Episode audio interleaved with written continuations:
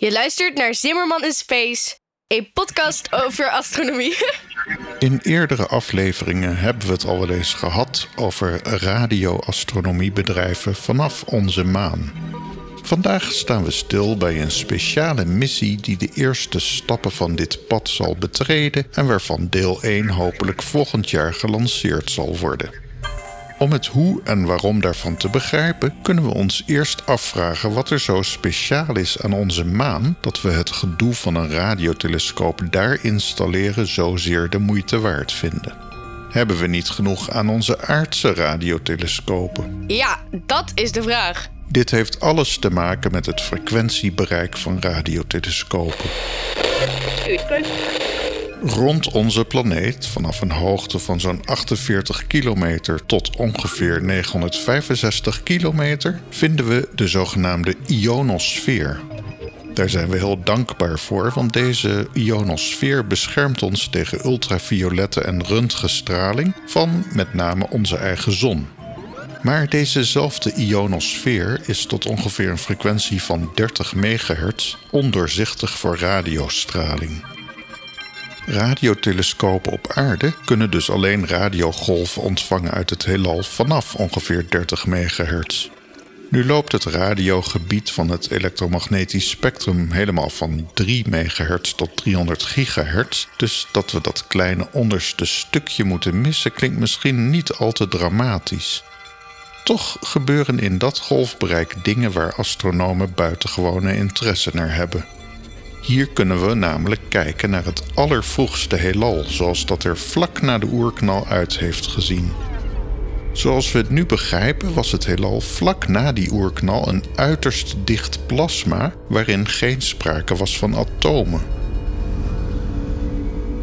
Na een periode van 380.000 jaar was het heelal genoeg uitgedijd en afgekoeld dat los rondvliegende ionen en elektronen elkaar vonden en het eerste waterstof in onze geschiedenis ontstond. En zoals we weten laat waterstof zich betrappen door de zogenaamde 21 centimeter lijn. Met een golflengte van 21 centimeter hebben we het over een frequentie van 1420 megahertz. Oh ja, inderdaad. Dit zijn radio-uitzendingen die we op aarde wel kunnen ontvangen. Maar aangezien het heelal alsmaar uitdijt, zijn die eerste waterstofemissies door roodverschuiving inmiddels uitgerekt tot het allerlaagste radiospectrum. Inderdaad, onder de radiofrequentie die nog door onze ionosfeer kan reizen. Overigens is die ionosfeer voor aardse radio-uitzendingen ook weer een zegen, omdat we daarmee enorme afstanden kunnen bereiken met onze radiosignalen. De ionosfeer treedt namelijk onder bepaalde hoeken en onder bepaalde omstandigheden op als radiospiegel. Korte golf radioamateurs maken hier graag gebruik van. Daar heet dit skywave of skip. Hopelijk ziet u de situatie nu enigszins voor uw geestesoog. De aarde is een bal. Daaromheen, vanaf een hoogte van 48 kilometer tot ongeveer 965 kilometer, vinden we als koepel de ionosfeer. Die beschermt ons tegen akelige straling, maar houdt ook een deel van de uitzendingen van het allerprilste heelal tegen. We kunnen dan denken: dan lanceren we toch nog een satelliet die daarboven cirkelt om radiostraling te ontvangen. Maar hier dient zich een nieuwe uitdaging aan. Radiostraling op die lage frequenties heeft ook een enorme golflengte en de radioantennes om deze op te vangen moeten dan ook enorm zijn. Er zijn wel een paar pogingen gedaan met radioastronomie-satellieten, maar die zijn op één hand te tellen. Ook weer om dezelfde reden. Een radiotelescoop is vanwege de golflengtes waarin wordt waargenomen doorgaans een vrij groot apparaat. Veel aardse radiotelescopen zijn ook vaak combinaties van een heleboel geografisch ver van elkaar verwijderde apparaten. De foto's van de zwarte gaten die we bijvoorbeeld de afgelopen tijd mochten bewonderen, werden gemaakt met de Event Horizon telescoop, wat een internationale samenwerking is van radiotelescopen die over de hele aarde verdeeld staan. En er is nog een reden om een radiotelescoop op de achterzijde van de maan te bouwen. En dat is dat dat een bijzonder radiostille plek is, waar ontvangst niet gestoord wordt door kunstmatige aardse radiotransmissies. De maan staat er namelijk tussen en die houdt vervuiling van aardse radiostraling tegen. Zoals u wellicht al weet, kijkt de maan altijd met dezelfde zijde naar de aarde. Dus een radiotelescoop op de voor ons onzichtbare zijde, de achterzijde van de maan, is permanent geïsoleerd van aardse radiostraling. Hoe ideaal! En dat is het project waar ik het nog met u over wou hebben. De missie heet LUSEE, L-U-S-E-E, e, wat staat voor Lunar Surface Electromagnetics Experiment. Uiteraard niet te verwarren met de Lucy asteroïdenmissie, L-U-C Grieks I, die al in 2021 gelanceerd was en waar we het al eens eerder over hebben gehad. Lucy, de nieuwe missie, bestaat uit twee separaat te lanceren ruimtevaartuigen. Lucy Light en Lucy Night.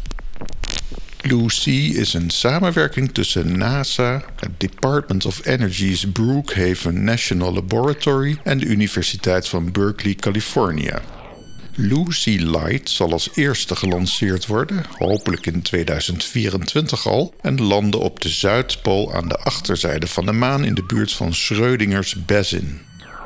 Deze missie is nog niet bedoeld om radioastronomie te bedrijven, maar om te verkennen hoe een autonoom ruimteschip langere tijd op de maan kan overleven en om te meten hoe de omstandigheden aan de achterzijde van de maan zijn.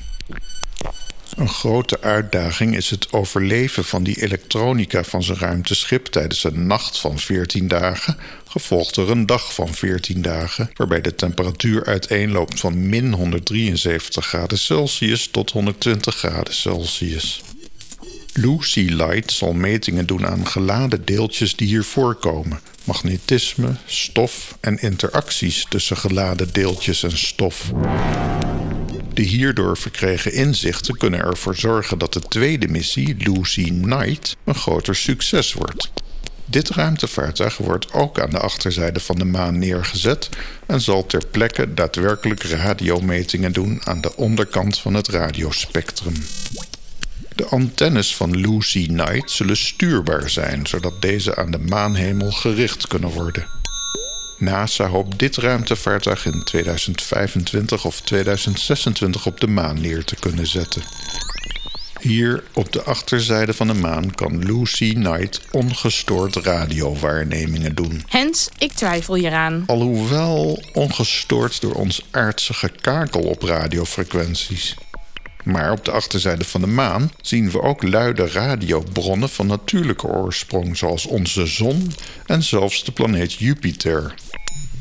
Maar als de nacht van 14 dagen op de achterzijde van de maan aanbreekt, verdwijnt de zon onder de horizon en valt die bron van radiostraling tijdelijk weg.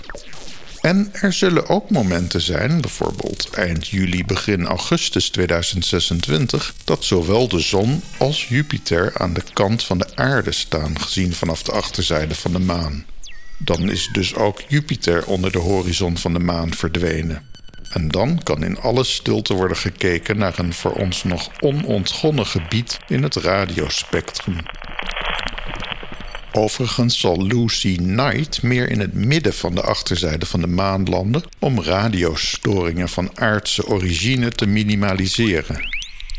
Uiteraard is één zo'n ruimtevaartuig nog verre van ideaal om radiosterrenkunde mee te bedrijven. Lucy Knight is een eerste stap in een groter geheel.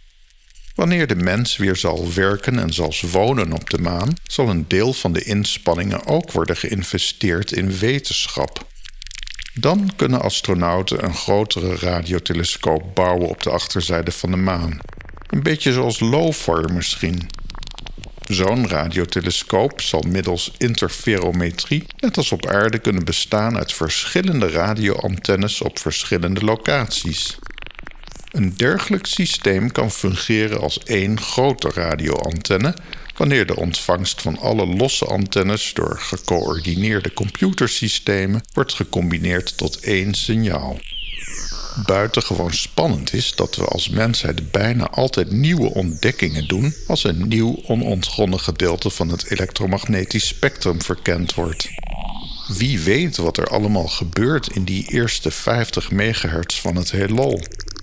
Het zal sowieso een uitdaging worden de zwakke rood verschoven signalen uit het prille heelal, wat we ook wel de Dark Ages noemen, tevoorschijn te halen uit de drukke astronomische radiosterrenhemel.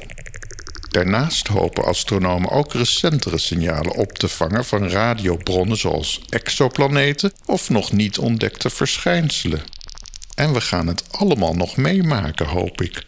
De Lucy-ruimtevaartuigen zijn grotendeels al gebouwd en wel deels met bestaande spullen die over waren van onder andere de Parker Solar Probe-missie. Dit is de nieuwe ruimtevaart waar sneller gebouwd moet worden met kleinere budgetten. Maar daardoor niet minder spannend. Tot de volgende keer.